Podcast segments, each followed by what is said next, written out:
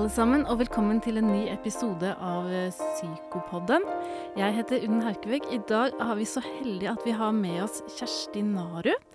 Kjersti er førsteamanuensis ved Universitetet i Oslo, og hun er overlege ved Kompetansesenteret for rettssikkerhet og fengselspsykiatri her ved Oslo universitetssykehus. Eh, og temaet i dag det er jo um, rett opp i hva Kjersti jobber med på kompetansesenteret, nemlig rettspsykiatri. Og, og rettspsykiatri, det jo Det har liksom litt flere aspekter. Det handler litt om eh, sakkyndighetsrollen, litt om utilregnelighet, litt om dom til tvunget psykisk helsevern. Og dette er temaer som vi er ganske opptatt av i samtiden nå. Eh, det, det, er mye oppmerksomhet rundt det. Så derfor er vi veldig for, glad for at du kan være med oss og snakke litt om det i dag, Kjersti. Aller først um, altså, Det er jo mange begreper her som man snakker om. Ikke sant? Man snakker om utilregnelighet, dom til tvunget psykisk helsevern. Hva vil det egentlig si, uh, dette med utilregnelighet? Ja, Utilregnelighet er det heldigvis ikke vi som blir eh, rettsoppdemte sakkyndige som skal uh, si noe om. Det er noe retten skal vurdere. Og det utilregnelighetsbegrepet er nå blitt byttet ut med noe som i straffeloven heter sterkt avvikende sinnstilstand.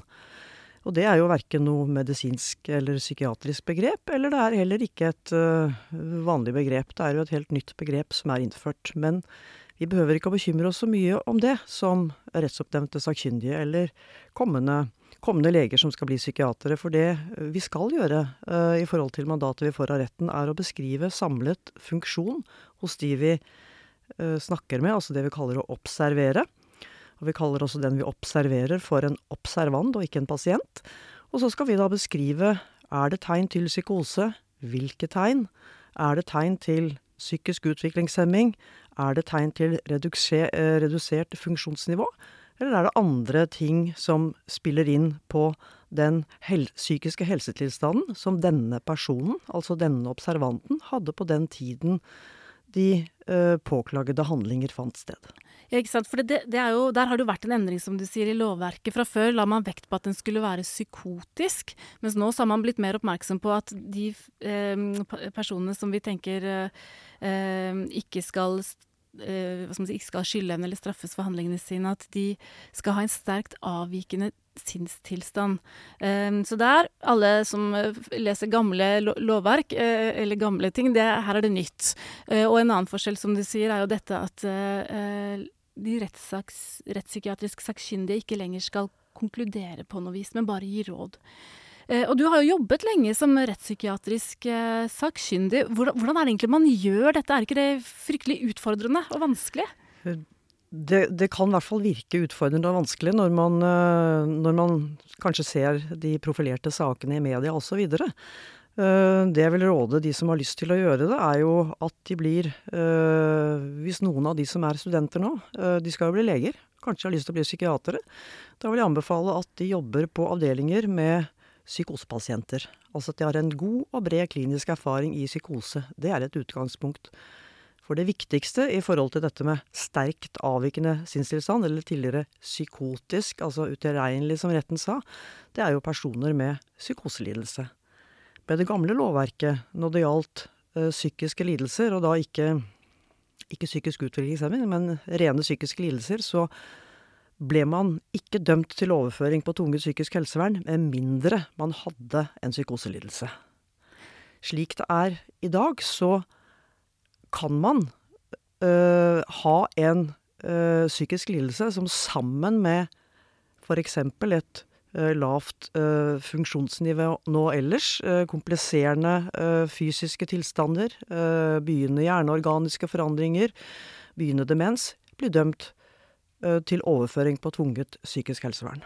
For her er det på en måte her er det to ulike steg. Det ene første er på en måte fins det en sånn eh, grunn til at man tenker at personen ikke har skyldevne, eh, som går på om man har en sterkt avvikende til, sinnstilstand. Og der vil man jo også putte om man har eh, eh bevisstløse gjerningsøyeblikket, eller hvordan nå den ordlyden er, og at man har et eh, lavt eh, intellektuelt nivå, ja. eller om man er under 15. Altså sånne årsaker til å, å, ikke bli sett som strafferettslig Eller at man har skyldevne i strafferettslig forstand. Men så, så sier du at man blir på en måte overført til dom på tvunget psykisk helsevern. Hva, Hva, hva, ligger i det? Ja, Man kunne jo tenke at dom til overføring på tvunget psykisk helsevern, så tenker de om det er jo fint, de får jo behandling. Men i henhold til lovverket så er det ene og alene for å verne samfunnet. Altså det er samfunnsvernperspektivet som gjør at man blir ilagt en slik dom. Det gode med en slik dom er jo at man også får god behandling. Ja, for da er det på en måte eh, hva skal man si, rettsvesenet som dømmer til behandling, og det er ikke denne vanlige runden man har med at innleggende lege søker innlagt, og så eh, Det blir et annet, et annet sett i eh, psykisk helsevernloven. Det blir et annet lovsett, mm. og da kan ikke institusjonen si at nei, eh, denne denne personen vil ikke vi ha inn til behandling. Da skal pasienten legges inn i en institusjon uh, som hører til den helseregionen som uh, da observanten, som så blir en pasient, er innlagt uh, er bosatt i. Slik at de er minimum tre måneder. Da kan det komme en vurdering, og man kan skrive vedkommende ut på uten døgnopphold. Men i de fleste tilfellene så er dette så sammensatte og kompliserte saker at de vil gjerne gå over, over flere år. Ikke sant? Og da er det av hensyn både til behandling for pasienten, men også av samfunnsvernet. Ja, det, det, Som leger så tenker vi ja, det er jo fordi pasienten skal få behandling. Men for å si det da med juristene, det er kun pga. samfunnsvernet denne særreaksjonen eh, kommer opp. Og det som er trist med det, selv om du ikke har spurt, det, det, eh, spurt om det, så er det en liksom brannfakkel at uh, unge, syke mennesker som blir psykotiske, de har problemer med å få eller man tenker er alvorlig syke. Det er ikke nok plasser til å utrede og behandle de. Mens hvis du derimot begår et drap, så får du behandling. Da kan man jo si at det er for sent med hensyn til det som er skjedd. Og det er tragisk at det skal være slik, og at det er sånne prioriteringer i, i helsevesenet i dag, for det er det faktisk. Ja, for det er jo det som er at de som blir dømt til tvunget psykisk helsevern, de eh, Eller overført på dom til tvunget psykisk helsevern, de går jo inn i sykehussystemet og ikke i kriminalomsorgen, sånn at de på en måte fritas for skyld for handlingen de har gjort, eller ja. dømmes ikke for handlingen, ja. men de dømmes til behandling. Ja. Eh, og da får de den behandlingen, som du sier, så lenge de er, behov for samfunnsvernet, og at det kan eh, ja, at man da kan få behandling, eh, god behandling på et helt vanlig sykehus det.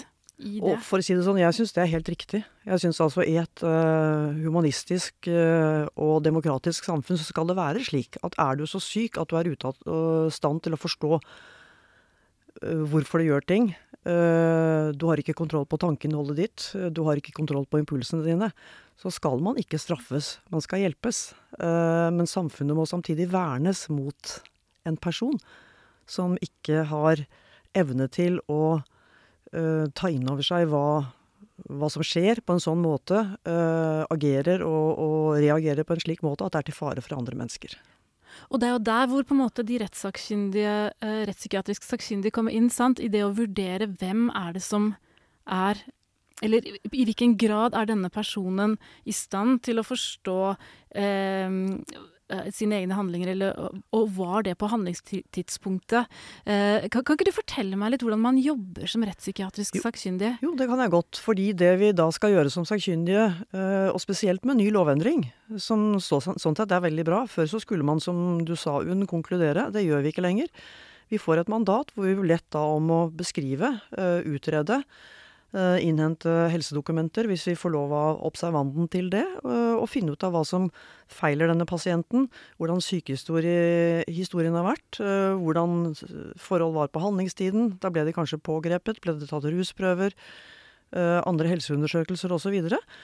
Men nå snakket jeg meg litt bort fra det du spurte om. Det som skjer, er at man da, når man lyst, jobber som sakkyndig, så har man, i hvert fall innen rettspsykiatri, så, øh, så går man gjerne noen tilleggskurs øh, for da å kjenne til strafferett og straffeprosess, og det vil jeg absolutt anbefale. Altså det, da er man som regel spesialist når man gjør dette. Uh, og så er det et eget kurs for da de som vil jobbe som rettspsykiatrisk sakkyndige. Det er både for psykologspesialister og for legespesialister i psykiatri, eventuelt nevrologi. Og da får man en litt sånn opplæring i hvordan man skal gå frem, hvordan man skal håndtere uh, denne en slik oppnevning fra retten. Og så har vi også fått på plass et uh, system i Norge, takket være 22.07-saken. I den grad det er kommet noe godt ut av det, så er i hvert fall det at det er opprettet en, en nasjonal sakkyndighetsformidling som har lister over de som er kompetente til og har ønske om å jobbe som rettsoppnevnte sakkyndige. Ja, Så her er det altså retten som på en måte oppnevner. Dette er ikke noe man blir i kraft av å være behandler eller noe sånt. Man blir oppnevnt utenfra. Nei, man blir oppnevnt utenfra. I motsetning til å være behandler eller vitne. Eh, da blir man jo bare innkalt av eh, noen og må møte i retten hvis man har vært vitne til noe eller kanskje er behandler. Men her blir man oppnevnt av retten og får et mandat som man da skal svare på som nettopp som det du nevnte innledningsvis, at man skal svare på hvordan er virkelighetsforståelsen, hvordan er tilstanden osv. Så, videre. så det er en helt annen ramme, og det betyr også at som rettsoppnevnt sakkyndig, og det gjelder ikke bare i psykiatri, det gjelder i, i patologi og i toksikologi og osv., så, videre, så, så øh, har man da opplysningsplikt til retten. Det betyr at det vi da skal informere våre observander om når vi treffer de første gang, er at det du det vi snakker om, det, det får retten vite. Og som han sier at det er ikke taushetsplikt i vanlig forstand. Jeg pleier alltid å øh, si til de jeg observerer at jeg har selvsagt taushetsplikt på vanlig måte for alle andre, men akkurat i forhold til retten, din forsvarer og påtale, altså politiet, så vil de få lese denne erklæringen. Så det vi snakker om her, det det får de vite om. Så hvis det er noe du tenker at du ikke vil at noen skal få vite, så kan du snakke med forsvareren din om det, men ikke snakke med meg om det. Så der, liksom, der, jobber man litt annerledes enn man gjør i vanlig klinisk praksis? Definitivt. Eh, og så på en måte da, når dere har fått, dette, har fått denne oppnevningen, hvordan, hvordan, går dere fram da? Da, øh, når vi da er blitt oppnevnt av retten, så vil vi øh, som regel Jeg sier vi, for vi er som regel to sakkyndige i disse sakene. Uh, og da får vi tilsendt uh, elektronisk, nå via Altinn. Det er jo en moderne tidsalder som i hvert fall nåtidens studenter kjenner seg veldig igjen i. Kanskje litt verre for noen som er litt eldre. Og da sender de saksdokumenter over, uh, slik at man da kan få får man kode og lest dette, og kan gå gjennom dokumentene i saken. Så avtaler man da å ha en samtale med observanten, enten denne nå er på sykehus eller sitter i varetekt eventuelt via Forsvaret hvis det er vanskelig å komme i kontakt med, og så tar man da en vanlig samtale. Uh, og det er som et vanlig skal vi si psykiatrisk intervju, men med et litt annet bakteppe, som man selvsagt snakker med observanten om før man begynner å, begynner å snakke videre og utrede og ja. ja. Sånn at da har du på en måte saksdokumentene i forkant av den første ja. undersøkelsen med eh, observanten? Det har du. Ja. Og noen eh, liker da å lese alt på forhånd. Øh, og litt ettersom saker, øh, så kan det være en fordel ikke å ha lest for mye, så man faktisk møter observanten. Altså man vet tiltalepunktet, man vet om det er drap eller promillekjøring. Men, men, men, du har kanskje Du vil danne deg et bilde av hvem er denne personen. Men igjen, da. Jeg skal ikke forstyrre deg i, i, dine spørsmål på den måten. Man har tilgang til saksdokumentene på forhånd. Jeg syns du eh, forstyrrer ikke spørsmålet i det hele tatt. Dette er jo veldig interessant, for det er jo en verden som mange av oss ikke kjenner til, selv om vi har jobbet lenge i feltet. Akkurat hvordan jobber, disse, jobber man i disse sakkyndighetserklæringene? Fordi det er jo, dette er det jo mye om i media, sant? Ja. rettspsykiatrisk sakkyndige har kommet fram til at vedkommende Uh, ja, før så sa man jo uh, uh, var utilregnelig eller ikke, ja. mens nå så er det jo mer at man ja, hva kommer dere egentlig fram til nå? Altså, hvordan, hvordan liksom konkluderer man eller oppsummerer man? Du intervjuer pasienten, eller du gjør en vanlig klinisk psykiatrisk ja. undersøkelse med kanskje strukturerte instrumenter? ja, hvordan? jeg bruker uh, alltid det, uh, og anbefaler alle å gjøre det. Uh, og i tillegg til klinisk skjønn, selvsagt. Og så kan man da ta en samtale alene. Jeg syns ofte det er greit å gjøre det første gang og kanskje møte alene. Og hvis man da ser at dette kan være litt vanskelig, så kan man ta en fellessamtale hvis man er uenig om ting. Eh, I enkelte saker kan det være greit at man har eh, separate undersøkelser hele veien. Man skal ha minimum to hver. Eh, det er, det er ikke loven som sier det, men det er den rettsmedisinske kommisjonen som anbefaler det, fordi tilstandene kan være svingende. Så det å se en person du skal undersøke over noe tid, og på forskjellig tidspunkt, det er vesentlig. Så ser man da hva finner man, og så tenker man at man skal gjøre litt tilleggsundersøkelse, kanskje.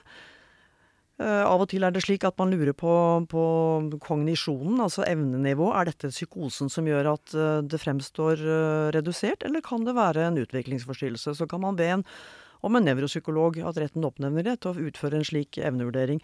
Men uansett så jobber vi egentlig som vanlige klinikere, men innenfor en annen setting. Vi drøfter funnene våre.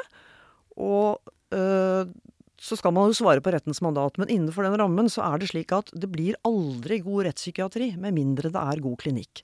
Altså gode klinikere skriver gode erklæringer. Og derfor så er det ikke farlig for yngre kollegaer å komme inn i dette feltet. Fordi hvis de er bestreber seg på å være gode klinikere, hvis de liker klinikk, hvis de liker å utrede mennesker, snakke med mennesker, så vil eh, eh rettsoppnevnt sakkyndighet passer helt utmerket for det. Og jeg håper virkelig at flere vil eh, satse på det, fordi vi trenger yngre fagfolk som er Villig til å lære, uh, villig til å utfordre seg selv, og også til å utfordre andre kollegaer uh, i gode faglige diskusjoner, slik at dette fagfeltet Det vi gjør ved å gjøre en god undersøkelse, er jo rett og slett å sikre rettssikkerheten.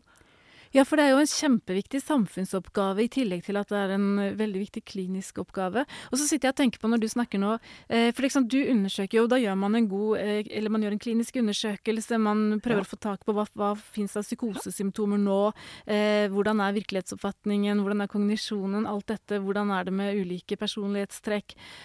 Men, men hvordan på en måte overfører man dette til Fordi det er jo en dette, dette, skjer jo ikke i sanntid, dette skjer jo etter at selve handlingen har skjedd. Hvordan klarer man liksom å dedusere seg tilbake? Hvordan jobber dere med det? Ja, Det er jo, kan man jo diskutere hvordan man skal gjøre det på best mulig måte. I, eh, jeg kjenner jo vårt politidistrikt, altså Oslo, ganske godt. Og det de gjør i alvorlige voldssaker der, altså drap, drapsforsøk, alvorlig kroppsskade, så sørger de alltid for at det innen kort tid uh, foretas en såkalt prejudisiell, altså en foreløpig undersøkelse. Eh, og det gjøres det også av de andre store byene. Og da får man en undersøkelse som er det vi kaller for eh, ferskvare. Det høres litt sånn dumt ut, men altså det at du ser da en person rett etter, rett, relativt rett etter handlingstiden, gjør jo at du kan danne deg et bilde om er dette en person som da kan ha vært ruset? Har rus vært en medvirkende faktor? Er dette en psykose? Er det en mer alvorlig personlighetsforstyrrelse med uttalt dyssosialitet? Da, da har man, når man da er rettsoppnevnt, så har man denne erklæringen fra den kollegaen som har gjort denne undersøkelsen på et tidligere tidspunkt. I tillegg så vil kanskje eh, politiet ha brakt med vedkommende til legevakt. Eh, da tas det rutinemessig, i hvert fall eh, på store sykehus, så tas det rusprøver, gjerne utvidede rusprøver også, for å se om dette kan være rus. Kanskje fremstår denne personen som har skadet en annen alvorlig, som psykotisk, men så klinger psykosen av etter to dager fordi det er rusutløst. For eksempel, det er veldig viktige opplysninger å få ja, så tidlig som mulig. Det, det, er viktig, og der er det også et sånn eh, det, Dette med rus og psykose, hvordan påvirker det vurderingen av uh, skyldevne?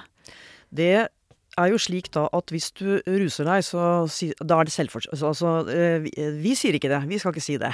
Som, som, som leger skal ikke vi si at det er selvforskyldt. Nei, det får retten ta stilling til.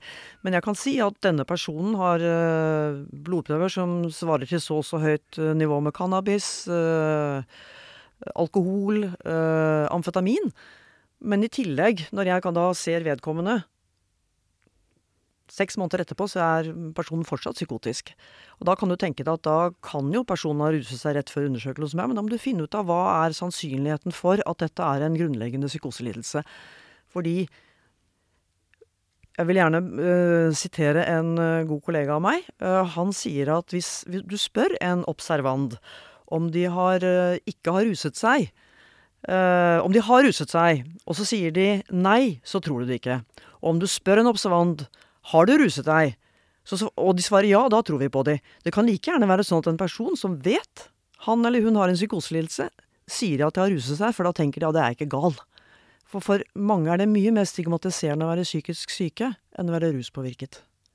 Så det er verdt å tenke litt på, så man må gå tilbake i historien, ikke bare til handlingstiden, men oppvekst, altså barndom, ungdom, komparentopplysninger av pårørende, akkurat som vi gjør i klinikken. For kanskje var denne, denne personen her, en, hvis det er en mann, da, en ung mann som trakk seg tilbake i tenårene på rommet, begynte å spille, øh, ikke lenger var sosial, ikke lenger gikk på trening. Og er det da rusen som har gjort det, eller var det faktisk prodromalsymptomer på en schizofreni?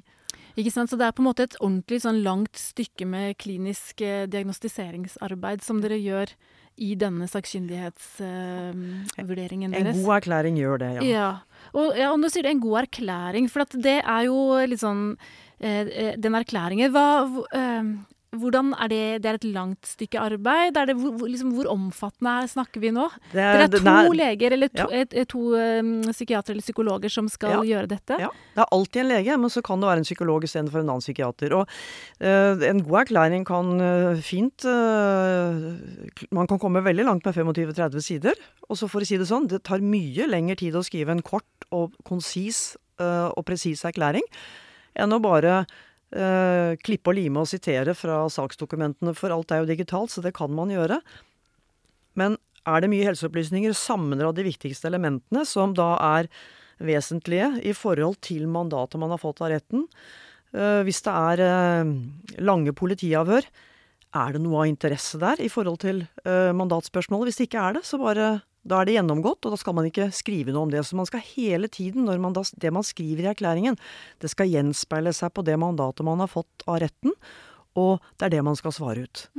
Og det er helt unødvendig for oss som sakkyndige å sitere lange politidokumenter, lange helsejournaler som ikke sier så mye om noe annet enn bare oppsummering, med mindre det er relevant for mandatet. For retten og partene har jo alle disse dokumentene. Altså øh, forsvarer, aktor, de har alt av dokumentasjon som vi har. Og da behøver ikke vi gjenta det som står i deres dokumenter for, for å redegjøre for de, for det skal jo de redegjøre for selv. Så blir det tredobbelt arbeid. Sant? Så, Og helt unødvendig, og tar veldig lang tid å saksbehandle.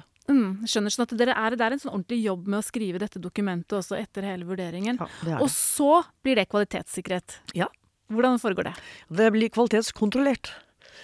Fordi vi har ikke, Den rettsmedisinske kommisjon har ikke tilgang til eh, alle dokumentene, så da kan man ikke sikre at de sakkyndige har tatt med det de burde, men man kan kontrollere at det de faktisk har med, Kontrollert, beklager. er eh, Ja, nei, vet du, jeg er flis- flisspikkeri noen ganger. Eh, fordi, og kvalitetssikring betyr at da er det liksom 100% men det blir det jo ikke. Det blir en kontroll av det skrevne produktet. Og da er det kommisjonens øh, øh, rolle, og det er alltid tre saksbehandlere som sitter der. Og da er det kommisjonens rolle å se på er det slik at øh, er, det, er mandatpunktene besvart? Altså ja og nei. Og er altså premissgrunnlaget for de vurderingene, både kliniske og faglige, som er gjort, er de adekvate? Er de i tråd med gode faglige, vanlige vurderinger? Er det slik norsk psykiatri definerer at det er nå? Er det slik man underviser på universitetet at et psykosesymptom eller flere er, f.eks.? Og, og da, da er det det man svarer ut. Og gjør de det, så får de ingen, eh, ingen bemerkninger, som det heter. Og hvis kommisjonen finner at det er noe i denne erklæringen, en vurdering som da kanskje kunne gjøre at noen andre enn enn eh, disse to sakkyndige ville kunne vurdere det de sakkyndige beskriver som annerledes. Og da spesielt oppimot det du nevnte i forhold til rus og psykose, så vil de da be uh, gjerne om uh, at de sakkyndige utdyper denne uh, usikkerheten. For ofte er det jo en usikkerhet. Og da er det helt greit som sakkyndig å gi uttrykk for at det er en usikkerhet, men vi vurderer at, men kan ikke bortse fra. Det høres veldig sånn ut. Det er jo faget vårt, vi er litt upresise, men vi prøver å være gode nok. Eh, slik at eh, utfordringen ligger egentlig i at de sakkyndige må være eh, ha skal vi si, bredt, bredt syn, hva heter det? Gjøre en bred vurdering. Og innta disse elementene slik at det er forståelig for de som leser det. Og slik at man har tatt med alle eventualiteter som kan ha påvirket denne personen på den tiden handlingene fant sted. Så er det opp til retten da å avgjøre om ja, det rusinntaket, var det noen som forgiftet drinken, eller var det rett og slett den personen selv som gjorde det? Det er, det er helt uvesentlig for oss som sakkyndige. Det er bare tilstanden, på et vis. Ja, det, Dette var en veldig sånn fin og grundig gjennomgang av den eh, si, veien da, fra man blir oppnevnt, og hvordan man jobber som eh, rettspsykiatrisk sakkyndig, og hvordan ja, alle skrittene fram til dette produktet som vi jo ofte leser om i avisene. sant? At man har kommet fram til eh, det eller det. Eh, og så var du inne på det litt i stad nå, sånn helt på tampen. dette her med? For det er den, Når man er rettspsykiatrisk sakkyndig, da blir man oppnevnt. Eh, men, men hvordan er det når man er eh. Altså når man er vitne? Ja, men mange av de som eh, skal bli leger, eh, vil helt sikkert eh, en eller annen gang bli innkalt som vitne i retten. Og da er det viktig å huske på at som vitne så har du en vitneplikt. Du har altså en plikt til å møte. Men er du øh, Hvis det sitter en tiltalt der, da, øh, som er din pasient, så har du altså taushetsplikt på vanlig måte når du møter i retten. Så da må den personen som nå er tiltalt av strafferetten, men som er din pasient, må gi deg en tillatelse til uh, å bryte, altså bryte og altså oppheve pasienten opphevet taushetsplikten. Og selv om det er gjort på forhånd, så vil alltid uh, rettens administrator, altså dommerne, vil alltid spørre den tiltalte er det greit at din lege forklarer seg. Og det man skal huske på som vitne, da skal man kun være vitne. Da skal man kun referere til det som faktisk er gjort med pasienten. Man skal ikke komme med faglige øh, vurderinger øh, utover det som står i journalen. Det høres litt sånn klønete ut, men slik er det. Og det, det, er noe annet igjen enn å være vanlig sakkyndig. Ja, så er du, den mellomtingen er jo et sakkyndig vitne. Og da Jeg vil tenke at det er naturlig at de som er behandlere, eh, leger og behandlere, vil være sakkyndige vitner. For da vil de kunne si litt om, mer om tilstand utover kanskje de notatene de har skrevet ned. Altså om de tenker at dette faktisk da har vært en utvikling av en schizofreni eller ikke. Det er ikke sikkert det står i journalen. Men det kan være noe de ut ifra sin kliniske vurdering har tenkt at, og det har tenkt å henvise videre, kanskje, og ikke skrevet i journalen. Uh, og da, så det vil jeg anbefale de som blir innkalt til, å si at de skal være sakkyndige vitner. Men igjen, sakkyndige vitner har også taushetsplikt. Mens derimot den rettsoppnevnte sakkyndige har ikke den taushetsplikten for det skrevne produktet. Mm. Og kan utdype det i retten, men da er det ingen sånn hvis, uh, hvis da denne tiltalte, som er vår observant, hvis jeg er sakkyndig, sier at nei, men du får ikke lov å si det du, vi har snakket om, da er det for sent, for retten har allerede dokumentasjonen. Og hvis forsvarer eller aktor vil spørre om det, så, så, må de sakkyndige svare. For det ligger i den oppgaven de har, og i hele den rollen rundt. Men det har jeg aldri opplevd som et problem, for å si det sånn. Nei, det, mm, det, var en ganske fin sånn presisering og, og, klargjøring av hva som er den rettspsykiatrisk sakkyndige rollen. Og jeg tenker jo sånn som du sa litt innledningsvis, at hele på en måte hensikten med dette, denne uh, ordningen, da, eller denne, denne, loven, er jo at man skal behandle syke mennesker som syke, og ikke sette de i fengsel. Ja. Uh, og det er jo et veldig godt utgangspunkt. Tusen takk for at du var med oss i dag, Kjersti. Og takk for at jeg fikk komme. Og takk til alle som lyttet på.